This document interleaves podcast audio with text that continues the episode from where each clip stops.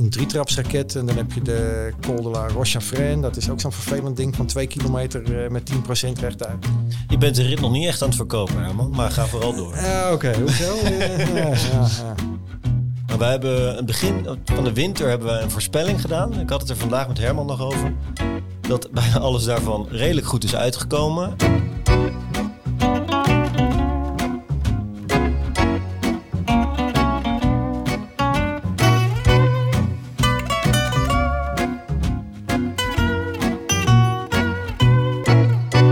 Welkom bij de Cyclo World podcast. Sinds corona lijkt het of Nederland massaal is gaan fietsen. Op de racefiets, mountainbike en natuurlijk de gravelbike. Vaak alleen, in duo's of toch stiekem in een groep. Een tekort aan fietsen, onderdelen, lange wachttijden. Geen toertochten, granfondo's, cyclo's, lokale wedstrijden. Voor beginnende of doorgeslagen amateurs, hobbyisten als wij. Maar het is bijna juni en het wordt eindelijk mooi weer. We mogen weer groepen rijden. Eindelijk is er licht aan het einde van de tunnel. En ja, de eerste cyclo's, granfondo's en toertochten staan weer op groen. En dat is toch wat wij het meest hebben gemist. Het avontuur, de uitdaging, het ontdekken van nieuwe fietsgebieden. Het maken van nieuwe verhalen samen met je fietsvrienden. En daar gaat deze podcast over. De liefde voor cyclo's, toertochten, rittenkoers en ga zo maar door. Wij van Cyclo World nemen je graag mee in die wereld. Welkom. Ik ben Herman van Tilburg en naast mij zitten... Frank Jansen. Herman Nekkers. Welkom, maar waar zijn we? In, uh, in Amsterdam, in de Pijp. In uh, een prachtig studio van uh, Doris van Mosselvelde. Heel fijn dat we hier terecht kunnen en dat, nou ja, dat jij ons gaat helpen bij, bij de eerste afleveringen van onze podcast. Um, ik ben vereerd dat ik deze podcast mag begeleiden. Um, ik wil even beginnen met jou, Frank. Kan je ons even meenemen en wie je bent? en, en vooral ook waarom jij zo gefascineerd bent door, door cyclo's en, en, en het fietsen? Mijn naam is Frank Jansen. Ik ben 39. Ik woon in Beeldhoven. Ik ben in 2005 begonnen met fietsen. Eerst de bekende rondjes om de kerk. Dat groeide dan door naar uh, Limburgs mooiste en Amsterdam Gold Race. En op een gegeven moment ontdek je dan cyclo's. Dat was bij mij in 2006 al. De Marmot, waar we het zo nog over gaan hebben. En er is eigenlijk niks wat je dichter brengt bij het profielrenner sowieso. Je voelt je echt een prof, ook al kan je er niks van zoals ik. En het is een enorm slopend gevecht waar je ook heel hard voor moet trainen. En dat maakt het uh, niet alleen prachtig, maar ook uh, de voldoening die je eruit haalt is uh, geweldig. en dat is wat er zo mooi is aan cyclo's. Afgezien natuurlijk van het feit dat je op de mooiste plekken van Europa komt. Mooi. We gaan natuurlijk straks uitgebreid hebben ook over het World platform. En natuurlijk ook wat is nou een cyclo. Hè? Er zullen ook ongetwijfeld mensen zijn die voor het eerst horen, ja, cyclo, uh, Gran Fondo, wat is dat? Gaan we uitgebreid op terugkomen. Uh, aan de andere kant van de tafel, Herman. Ook een Herman. Ja, ja, dat is al heel onhandig. Hè? Dus ja. uh, wat dat betreft hebben we het niet goed uitgezocht. Mijn naam is Herman Nekkers. Ik ben 56. Ik ben woonachtig in Purmerend. Net als Frank ben ik volgens mij ook in 2005, 2004 begonnen met, met fietsen. Um, en eigenlijk was ik al heel lang, vanaf de, mijn, jeugd, was ik al ge, gepassioneerd door die grote bergen. En daar wilde ik altijd nog eens een keer naartoe. Dus in 2006 heb ik een zogenaamde drie landen tocht gereden met een aantal vrienden van me. Echt fantastisch. Maar in die tijd was ik al een beetje aan het gluren naar, uh, naar cyclo's en toertochten en dat soort uh, dingen. Ik heb toen ook Limburgs mooiste gereden dat jaar. En, uh, ja, en toen in 2007 heb ik mijn eerste cyclo gereden, ook de Marmot. Dus ja, geldt denk ik voor een heleboel mensen. Mooi, ook jij gaat straks ons natuurlijk uitleggen wat jouw rol is binnen Cyclo World. En, ja. en, en waarom mensen ook vooral de site moeten gaan bezoeken. Uh, nou, ik zelf, uh, ik ben Herman van Tilburg, ik ben 41. ook al heel lang, ja, alles wat eigenlijk op twee wielen rijdt, hou ik me mee bezig. Van de racefiets natuurlijk, het mountainbiken. En sinds kort ook met de trend mee het gravelbiken, wat ontzettend leuk is. ik bedoel, ik vind dat wel echt een ontdekking. Je uitleven in de mooiste gebieden, op de Veluwe bijvoorbeeld. Uh, maar zelf ook, wat jullie zeggen, enorm gegrepen. Uh, als je inderdaad uh, begint met fietsen. waar we het net ook over hadden. Je, je, gaat op een gegeven moment een toertocht rijden in Nederland. En op een gegeven moment trekt toch het buitenland. Hè. Je wordt enthousiast gemaakt door je vrienden. Die al eens een keer eerder een, een cyclo hebben gereden.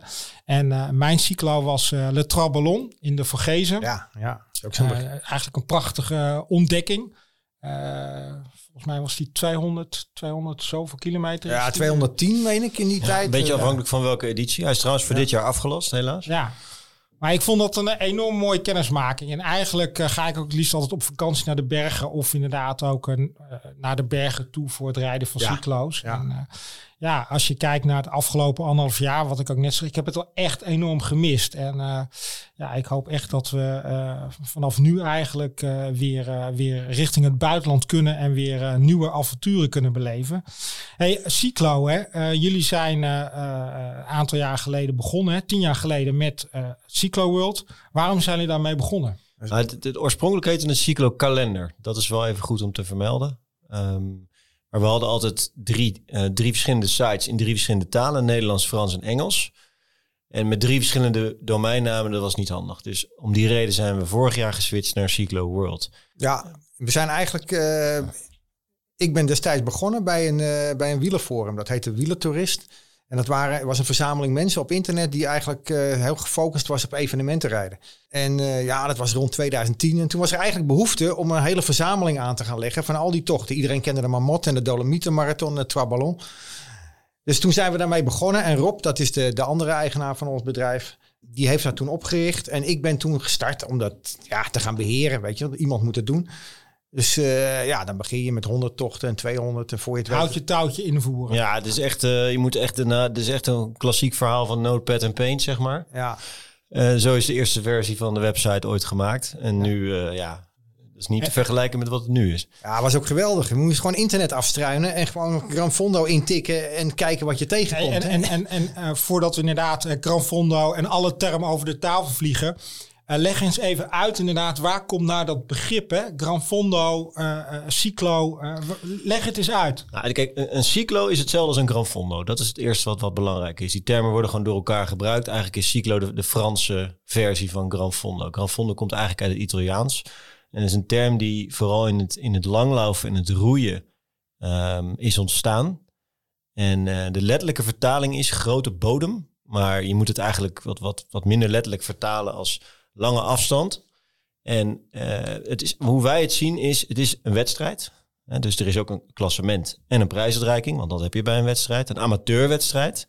Meestal is het zo dat er geen profs mee mogen doen. En als ze wel mee willen doen, dan mogen ze niet meedoen in de uitslag. Is een amateurwedstrijd met een massastart en een tijdswaarneming uiteraard. Anders weet je niet wie de eerste over de finish is. En dat is wat een Gran Fondo is. En wij hanteren het criterium. De tijdswaarneming moet op minimaal 50% van het parcours zijn. Want soms zijn afdalingen geneutraliseerd vanwege de veiligheid. Zoals bijvoorbeeld bij de Marmot, waar we het zo nog over gaan hebben. Dat hanteren wij als, eh, als eh, definitie. En nogmaals, een Gran Fondo en een Cyclo is exact hetzelfde. Alles wat niet aan die criteria voldoet, dat is een toertocht. Ja, is nog één ding wat belangrijk is, dat het uitgepeild moet zijn. Dus GPX-ritten die tellen dus niet mee. Het zijn geen Gran Fondo's. Nou, die hebben we overigens wel op onze site staan, Ja. eh, de GPX-rit. En, en als je dan kijkt inderdaad eh, eh, naar, naar hè, jullie begonnen met, met die kalender. Hè? Eh, als je nu kijkt naar, de, naar, naar het platform zoals die nu is. wat kan die bezoeker dan vinden? Nou, je kan beter vragen wat niet. Eigenlijk alle evenementen voor fietsers op de racefiets, gravelbike en mountainbike kun je vinden. Cyclo's, toertochten, marathons, etappekoersen, maar ook GPX-ritten, ehm randonneursritten, Eh, goede doelen toch? goede doelentochten. Oké, maar dan zijn weer eh op zes, zeven nieuwe begrippen over Ja. tafel. En we hebben een cyclospoor en, en, en, en natuurlijk de Gran Fondo. Nou, volgens mij is dat nu heel helder, hè? Ja. Eh, dat gaat dan inderdaad om eigenlijk om een wedstrijd. Klassement wordt Ja. ook gemaakt. Kan me ook voorstellen in, in verschillende categorieën nog. Mannen, vrouwen, leeftijden. ja. Eh, maar bijvoorbeeld de toertocht. Eh, heel veel mensen kennen natuurlijk de Amstel Gold Race. Hè. Ja. Eh, doen, doen ieder jaar 15.000 mensen aan mee. Wat is dan het verschil ten opzichte van, van inderdaad die cyclo? Nou ja, het gaat, bij toertocht heb je doorgaans geen massastart. Hè. Je kan om zes uur beginnen of om acht uur. En er is vaak geen tijdsmeting of alleen maar op de Bosberg of op de, de Kamerrig of zo. Ja. Dat tellen wij dan dus als een toertocht. Ehm, wat was nou het lastige in dit verhaal? Heel veel organisatoren in zowel Nederland als België, als waarschijnlijk ook andere landen, die noemen hun toertocht cyclo. Een bekend voorbeeld is de Ronde van Vlaanderen. Die heet Ronde van Vlaanderen cyclo. Dan heb ik het dus niet over de profversie, maar de versie voor amateurs. Ja, dat is leuk. Prachtige ronde natuurlijk. Prachtige ronde. Iedereen moet hem gereden hebben. Hartstikke mooi. Eh, maar dat is wat ons betreft een toertocht. Dus eh, wij zijn er heel streng in dat onderscheid. En ik kan me voorstellen dat veel luisteraars denken... we maken je hier toch in godsnaam druk over? Ja, waar maak je druk om? Nou, wij maken ons daar dus wel druk over. Ja, omdat wij dat onderscheid scherp willen maken. Want sommige bezoekers komen bij ons om een toertocht te vinden. Die hebben we. En sommige mensen komen bij ons om een etappekoers te vinden of een cyclo. En die moeten wel weten wat ze dan voor hun neus krijgen. En, en, en nou, etappekoers is natuurlijk meerdere dagen. Hè? Ja. Eh, eh, maar randonneurs, Ja, dat is eigenlijk een, eh, een genre dat al heel lang bestaat, maar de laatste jaren echt wel populairder is geworden. Dat zijn echt de mega-ritten van 200, 300, 400 tot wel 1000 kilometer aan toe. Die volledig self-supporting zijn. Dus je moet zelf navigeren, je moet je eigen eten kopen bij een benzinestation.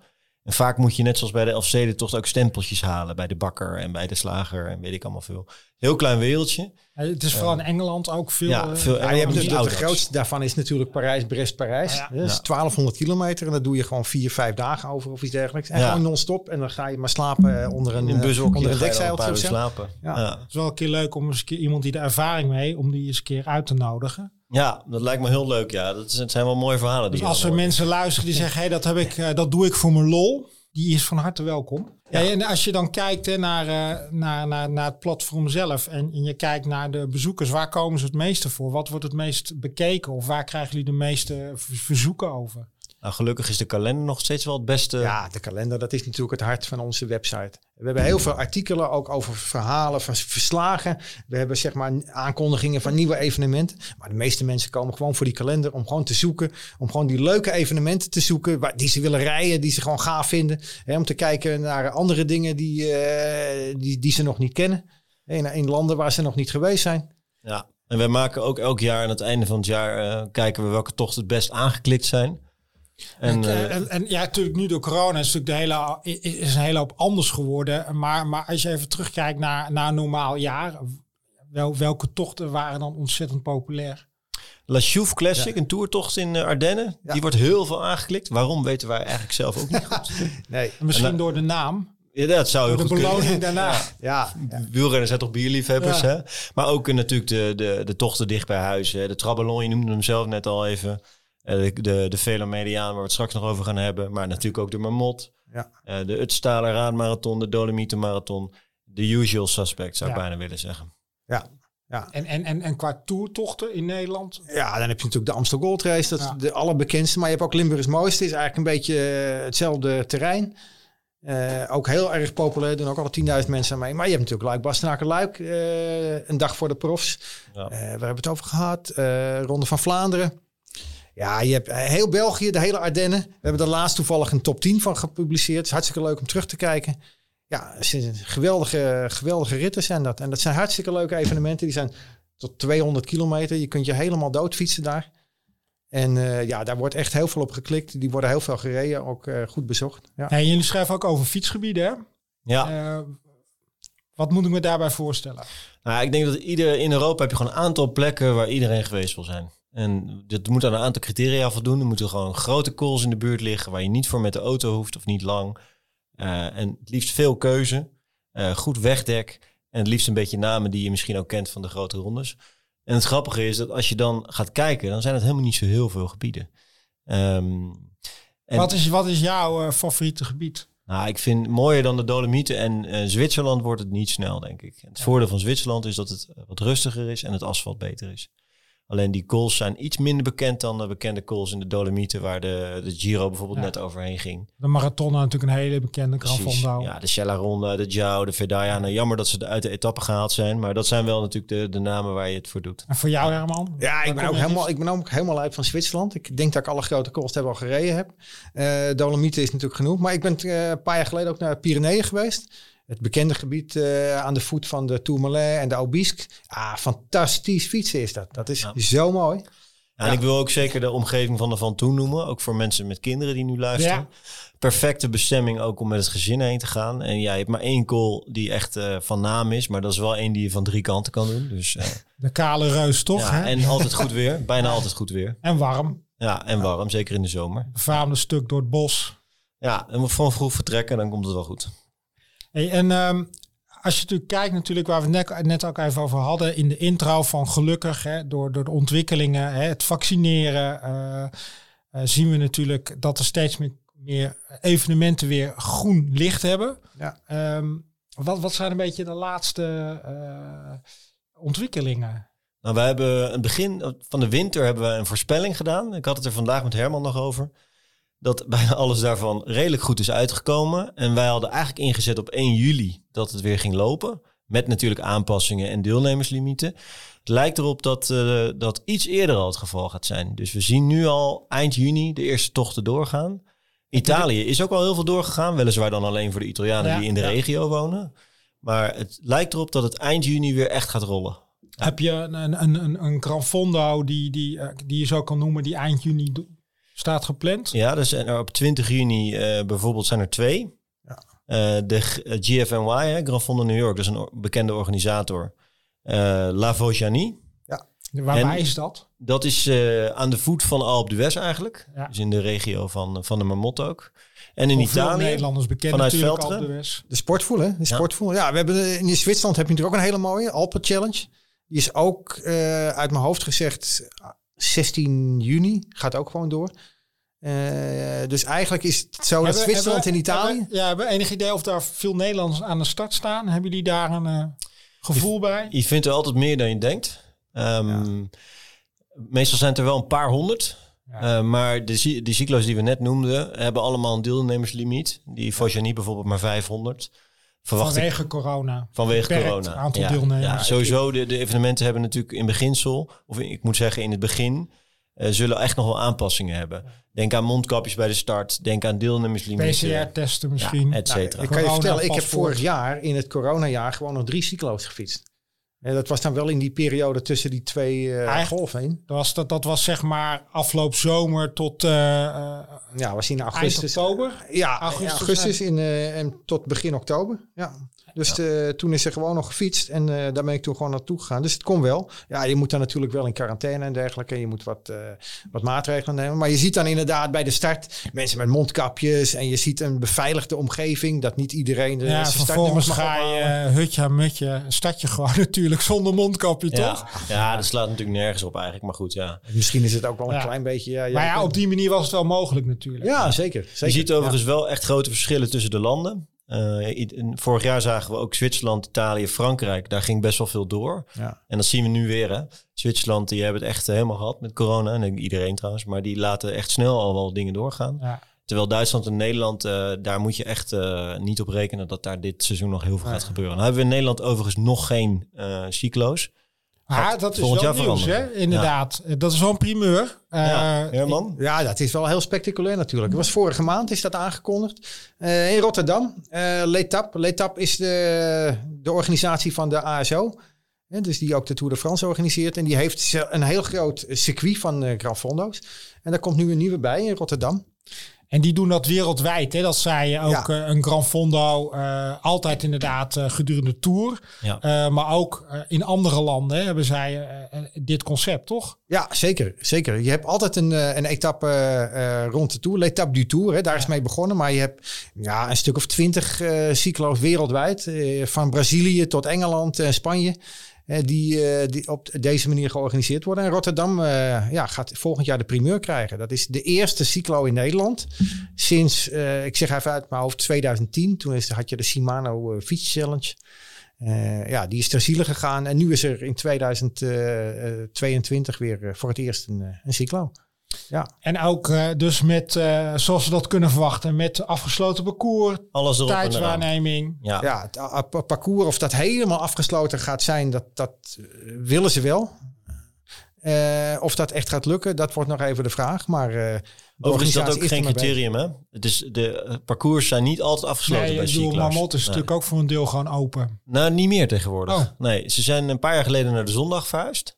En om de deelnemerslimiet op te kunnen rekken. En een van de dingen die toen eh, eh, ook gebeurd is, is dat het parcours eh, autovrij is tot drie uur 's middags of zo. Dus als je daarna binnenkomt, dan, eh, dan kun je wel verkeer verwachten. Ja, het is wel, het, het- ja, de meeste cyclo's zijn natuurlijk niet afgesloten. Nee. Dus Dat is ook natuurlijk niet te doen, want het gaat om zo'n groot gebied en met alle vergunningen. ja. Ja, wat, wat natuurlijk wel leuk is in Duitsland, is bij mij weten, is het een verplichting om dit soort wedstrijden altijd op afgesloten parcours te houden. En wat heel gaaf is, is dat je het vaak voor een profwedstrijd uh, te zien krijgt. dus dan rijden de profs, die rijden smiddags, maar de, de amateurs, die rijden dan s'morgens over hetzelfde parcours. En dan heb je alles erop en eraan. Zijngevers, uh, fotografen op motoren die om je heen rijden, uh, materiaalwagens. En dan rij je gewoon... Dan, dan, dan waan je echt even prof, toch? Ja. Daar waan je prof. wat we allemaal willen. Ik heb de Münsterland Giro gereden en daar heb ik, uh, was, duurde 3,5 uur en dan kom je met een gemiddelde van 38,5 kom je terug. En dan zitten nog hellingen in ook, weet je. Ja, nee, dan kan je een half jaar opteren dan toch? hè, nou, als, ik kan er nog steeds opteren, want het is geloof ik al vijf jaar geleden of zo. Maar die, die etappe tour, hè, ik kan me voorstellen dat, dat heel veel mensen die luisteren nu denken, hé, hey, daar wil ik aan meedoen. Want het is een unieke kans, hè, dicht bij huis. Want ik bedoel, het is uniek. We hebben jarenlang geen uh, cyclo. Nou, dan heb ik goed nieuws voor die mensen. Want wij gaan kaarten weggeven. Alleen weten we nog niet precies hoeveel en wanneer. Maar dat, dat kan ik al wel vast aankondigen. Dat is top. En komt er ook een voorinschrijving? Heeft, hebben ze daar al iets over? is allemaal nog niet zo bekend. Uh, de verwachting is wel dat het heel snel vol gaat zijn. Ja. Omdat het natuurlijk uh, ja, het parcours zal sowieso vlak zijn. Ja. Dus uh, ja. dat spreekt veel mensen aan. Ja. En, en, natuurlijk dicht bij huis. Ik bedoel, ja, precies. Uh, we gaan het ook zo meteen hebben over een cyclo ook dicht bij huis, hè, de Velomediaan. Ik wil eigenlijk wel eens even inzoomen. Hè. Jullie hebben natuurlijk, uh, het mooiste is natuurlijk om zelf die cyclo's te, te, doen, te rijden, te ervaren. En ook in deze podcast zullen we eigenlijk altijd twee Grand Fondo's eruit lichten. En daar hebben we het natuurlijk even over gehad. Hè. Waar, waar, gaan we het nou in de eerste podcast over hebben? En eigenlijk waren het al unaniem eens de mamot. Dat is eigenlijk de koningin van alle cyclo's. Ja. Ja, er wordt, er wordt wel eens gezegd, je hebt in de cyclo-wereld heb je de, de beauty, de, de beast en de legend. En, en de beast is de Utstalen, want die is het zwaarste. En dan heb je de beauty, dat is de Dolomietenmarathon, dat is de mooiste. En de legend is de mamot, dat is de meest legendarische. Het is wat, wat Mekka is voor een moslim, is, is de mamot voor een wielrenner. Je, daar wil je minimaal één keer wil je daar geweest zijn. En, en waarschijnlijk nog wel een keer. Hij, hij is ook al veertig keer georganiseerd. Hè? Misschien ja. ook een van de langslopende cyclo's. Niet de langslopende, want dat is in Italië. Maar um, ik heb me ook afgevraagd, waarom is de mamot nou zo bijzonder? Ik denk dat er niet, het is zeker niet de allerzwaarste cyclo. Maar hij is wel heel zwaar, hè? 100, 100, dik 170 kilometer met, met 5000 hoogtemeters. Dat is echt niet makkelijk. Um, maar er zijn eigenlijk maar heel weinig cyclo's met vier bekende namen en een finish bergop. Nou, gooi, hem, gooi ze er even in, die, uh, die vier bekende namen.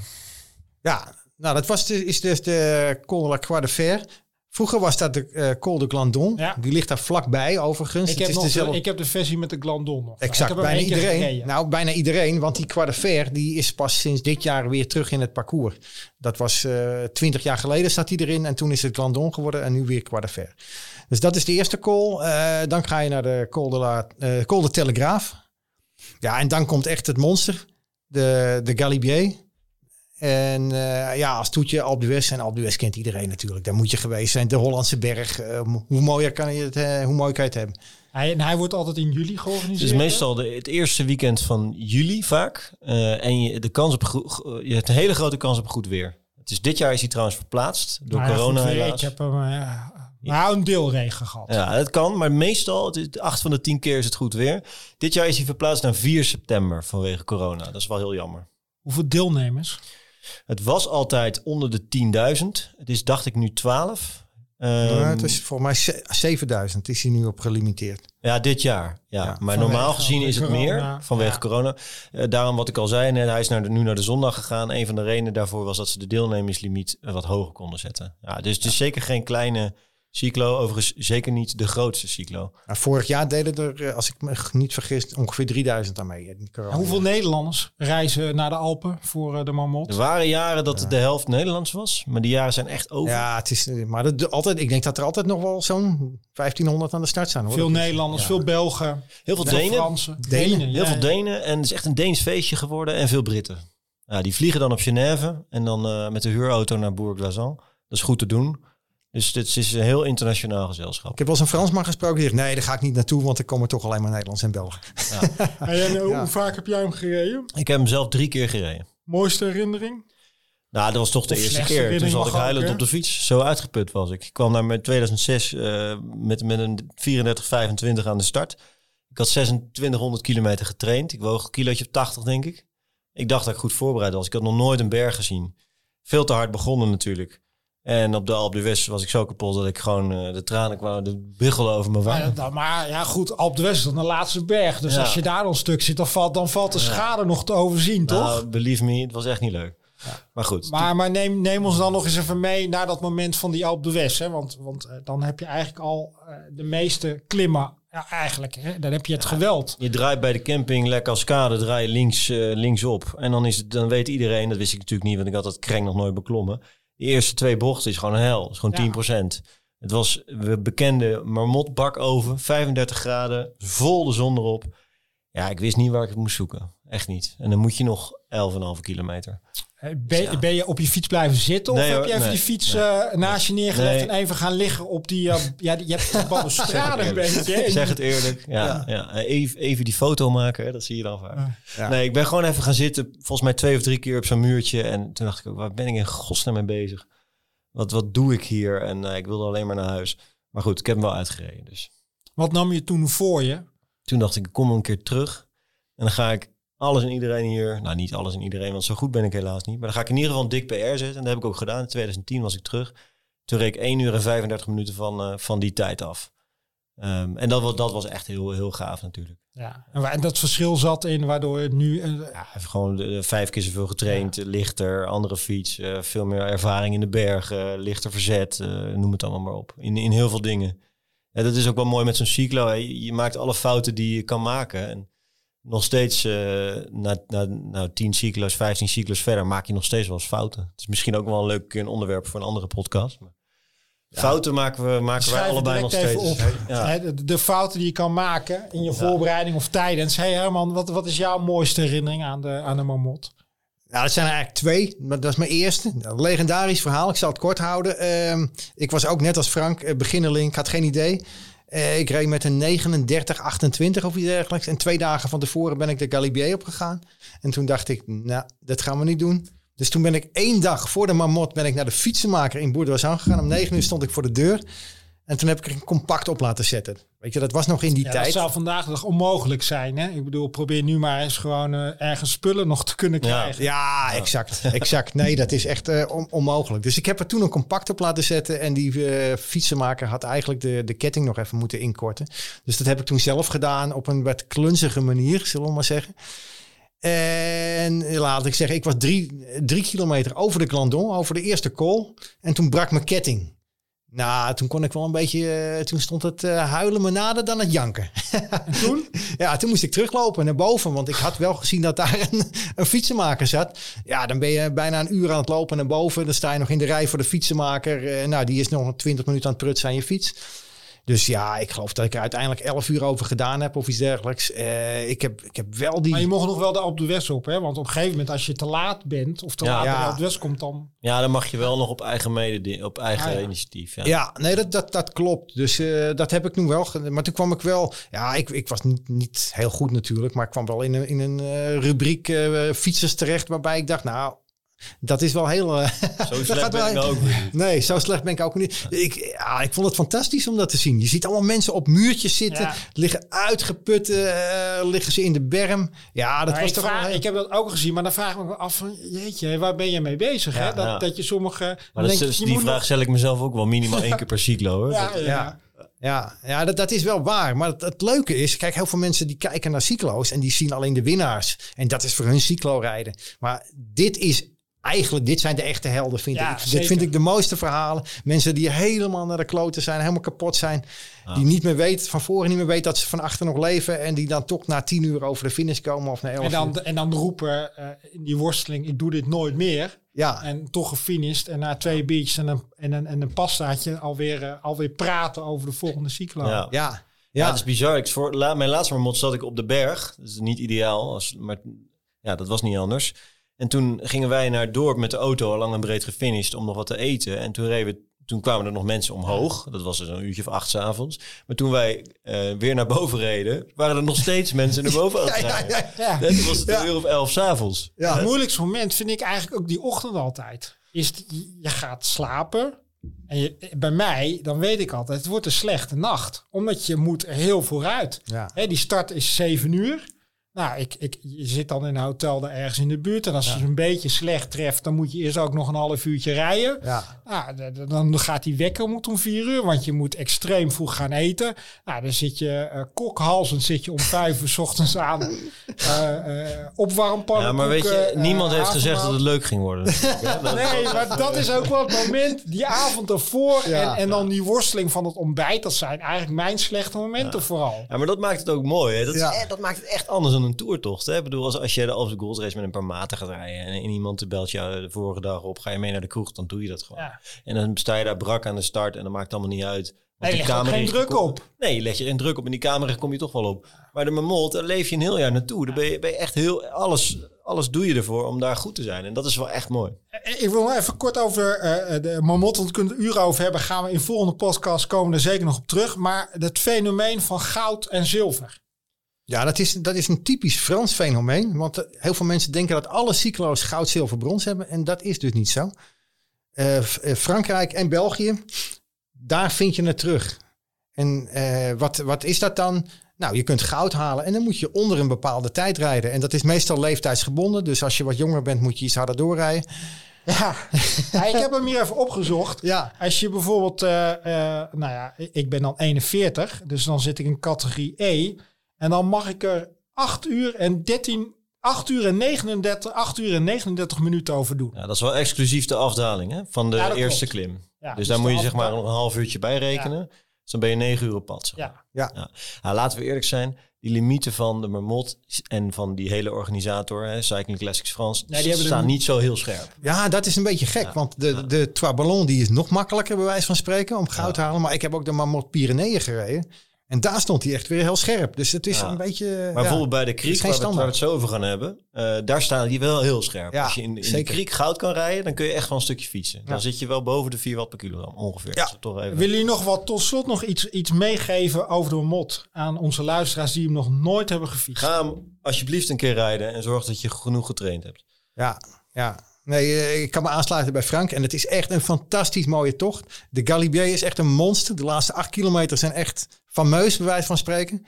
Ja, dat, eh, daar gaat iedereen helemaal, eh, helemaal dood. En ja, ondergaat gewoon. Ik bedoel, het is fantastisch. En, en op de site kun je natuurlijk allerlei informatie vinden over de mamot. Ja, we schrijven ook veel over de Marmot. Eh, sinds kort hebben we een zoekfunctie. Dus kun je ook gewoon zoeken op Marmot.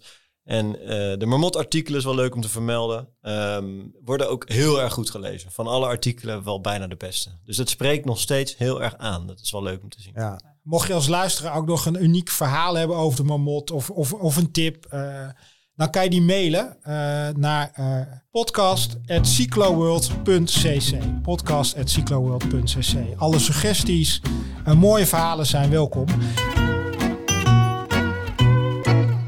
Eh, jij maakte net al even het bruggetje naar de Velomediaan Criquillon. Eh, moeilijke naam. Eh, kan jij eh eens vertellen, Criquillon, waar komt die naam vandaan en wat houdt die cyclo in? Het is eigenlijk van Claudie. Hè? Ah, kijk hier, daar ga Ja. ik al de mist in. Dus het is Velomediaan. Eh Claudie Criclion is volgens mij de totale naam van het evenement. Ja. Maar de roepnaam is eigenlijk Kriek. C-R-I-Q. De Kriek. Eh, het is een cyclo. Herman heeft er meerdere keren gereden. ja, ik heb hem En- denk en ik zeven of acht keer gereden. Is, is dat, dat is toch een verhaal van een oud renner? Het is een oud renner. Ja. Eh, als ik me niet vergis, is hij oud wereldkampioen geweest. Een hele goede renner uit de jaren tachtig, Claude Criquelion. En eh, een Belg, die heeft ook diverse eh, eh, hoe heet het, klassiekers op zijn naam geschreven. Dus ja, die woonde daar in de omgeving. Eh, het is in La Roche in Ardennes. Dat is eh, een eh, bekend plaatsje in de Ardennen. En het is weer een heel ander soort eh, cyclo. Waar- waarbij je dus die hoge bergen hebt bij de Marmot.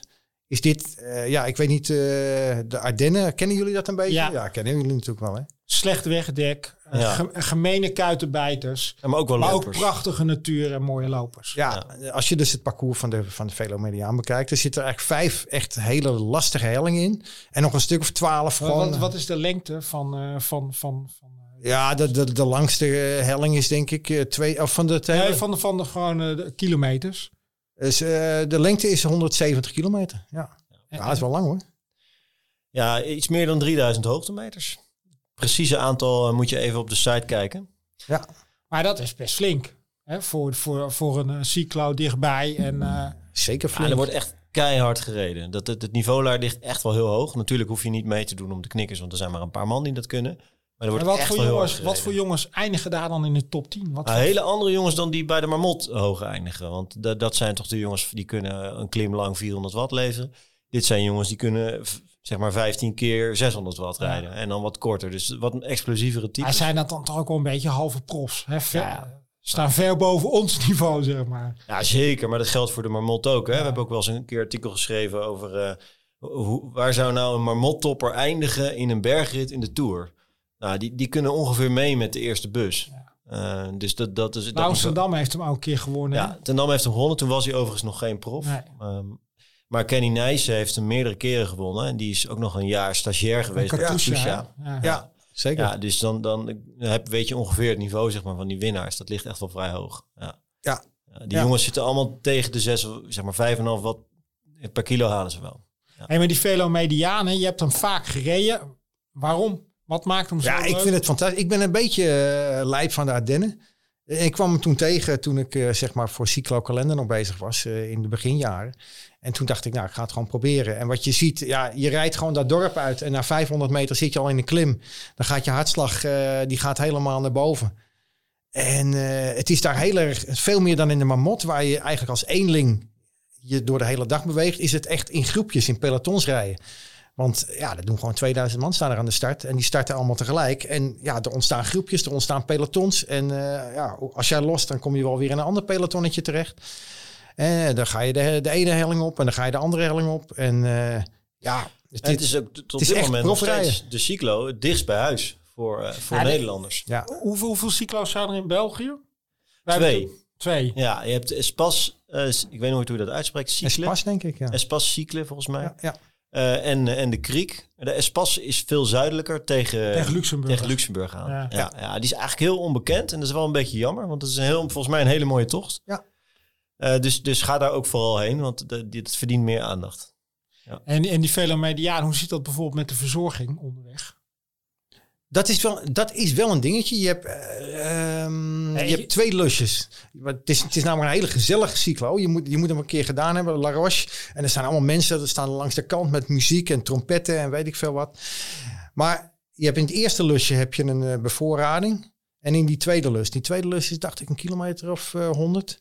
En er is één bevoorrading. Het is net even te weinig. Dus je moet eigenlijk eh, wel en een paar Ardennen reepjes is niet meenemen. heel erg eh, eh, dicht bevolkt. Dus je, je moet wel goed aan, aan je eigen proviant denken. Dus. Ja, ik heb me één keer gereden, het was 37 graden. En toen had ik de goede tijd al overboord gezet. En toen heb ik inderdaad bij een boerderij eh, gevraagd of ze mijn bidon wilden vullen. Maar die toppers, hè, ook in de Kriek, maar ook in de Marmot en alle andere grote cyclo's.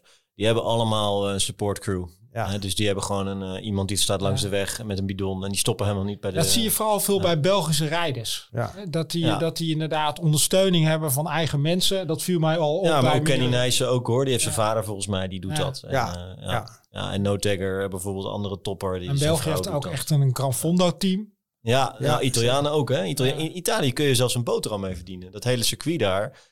eh, je kunt eh, gewoon geldprijzen winnen als je een Gran Fondo wint. In Italië worden Gran Fondo's ook echt heel serieus genomen. Dat is wel mooi. Veel serieuzer dan in Frankrijk bijvoorbeeld. Ja, er is ook nog wel een hele dopinggeschiedenis daar. Daar kunnen we het Ja. ook misschien nog een keertje over gaan hebben. Maar Ja, eh, zo trouwens ook een van onze best gelezen artikelen. Ja. Wie, er- wie er allemaal gepakt zijn in het eh, Gran Ja, Fondo zelfs op circuit. dat niveau gebeurt ja, dat wil je ja, niet zeker. Dat wil je niet weten. Dus Ja, ik, ik bedoel, ik, fameuze ga- ik inval- hou het gewoon wel bij een paracetamolletje. Hè? Maar eh, Nou, volgens mij is er in eh, 2007 of zo bij de Maratona een keer een willekeurig hotel binnengevallen. En wat ze daar allemaal vonden, ook bij mensen zoals ik die er niks van kunnen, dat hou je niet voor mogelijk. Echt Ja. tot EPO, salbutamol, uh, verzint allemaal maar. Echt onvoorstelbaar. hey, die ehm velomediaan, wanneer gaat die plaatsvinden? die is eh, 28 augustus. Altijd de laatste zaterdag van augustus. Dit jaar 28 augustus. En eh, er zitten dus eh, vijf, vijf echte zware hellingen. Dat is wel leuk om eventjes eh, te bespreken. Je hebt de, de Muur de la Velomediaan. Dat is een soort Belgische Keutenberg, maar dan langer. Dan heb je de Col d'Aussier. En dat is de, de zwaarste helling van België. Die zit erin. Die is vanuit La Roche. Echt een heel naar ding. Doe je gewoon 20 minuten over op mijn niveau. Een drietrapsraket. En dan heb je de Col de la. Dat is ook zo'n vervelend ding van 2 kilometer eh, met 10% rechtuit. Je bent de rit nog niet echt aan het verkopen, Herman, maar ga vooral door. Eh, Oké, hoezo? Ja, ja, ja. Nou ja, dan heb je nog een, een van de Hij is een bruggetje aan het maken naar de prijs. Ah, Hè, kijk. Ja, ja, ja, en de laatste, die moet je altijd gereden hebben. Dat is de, de, col, eh, de, de code de Bef heet die. En eh, alleen de naam al, dan moet Ja. je, daarom moet je hem gereden hebben. Maar ook dat is een heel vervelend ding. Eh er gaat, loopt, staat iedereen met kramp en dergelijke. Dus eh, ja, het is gewoon een heel vervelend eh, parcours. Het klinkt heel vervelend natuurlijk, maar uiteindelijk is het allemaal fantastisch. Maar er zitten een paar hele lastige hellingen in. En qua, qua aanreizen, de- boek je een hotel of deed je dat Ja, ik, ik, ochtends vroeg aanreizen? nee, ja, dat kan. Dat zou ik zeker niet aanraden, want je moet best wel vroeg bij de start staan. Ja, Dus, eh, zeven uur, zes uur. Als je in Ja, het zuiden woont, zou het wel kunnen. Ja. ja de, de start is om negen uur. Eh, dus het kan wel. Maar eh, ja, moet je wel heel erg vroeg weg. Je kunt overal voor een grijpstuiver een hotelkamer krijgen. Dus Ja. dat, is, dat is de beste optie, wat mij betreft. Hey, want eh, we hebben ook in deze podcast eh, hebben we een prijsvraag. Ja. En eh, eh, mede dankzij onze partners, hè, eh Vele Mediaan. Ja. Eh, ja, gooi hem er eens in, Herman. ja, dat is eh, hartstikke leuk. We hebben drie startbewijzen. Voor de komende Velomediaan, dus op 28 eh, augustus. En eh, ja, daar hebben we ook een prijsvraag. Jullie kunnen dat winnen. Eh, en de vraag daarbij is, Even de leesbril op. Even mijn leesbril op. Wat is het aantal hoogtemeters van de langste afstand van de Velomediaan? En dat kun je allemaal lekker terugvinden bij ons op de website. Ga er eens even rustig naar kijken. En we hebben voor drie mensen hebben we dus een startbewijs. Ehm, Ja. Je kunt je antwoorden opsturen naar podcast.cycloworld.cc. Ja, en uit de eh, goede antwoorden trekken wij drie gelukkigen. Dus dat is eh, volgens mij een fantastische prijs. Dus eh, eh, doe massaal mee. Eh, dan komen we een beetje aan het einde van deze, van deze eerste podcast. Eh, wil jij nog... Hoe vond je het? Ja, lullen over wielrennen is niet zo moeilijk. Hè? Zet drie wielrenners bij elkaar Ja. en dan gaat het vanzelf over fietsen. Dus eh, wat dat betreft is het business as usual. Ik vind het jammer dat het, het gaat vrij snel voorbij, moet ik zeggen. De Ja. tijd. Ja. Wil jij nog iets, eh, nog iets kwijt? ja, ik zou zeggen, als je onze website niet bekijkt en niet kent, eh, ga er gewoon eens kijken. Hartstikke leuk. En je vindt altijd een uitdaging die je leuk vindt. Kan niet missen.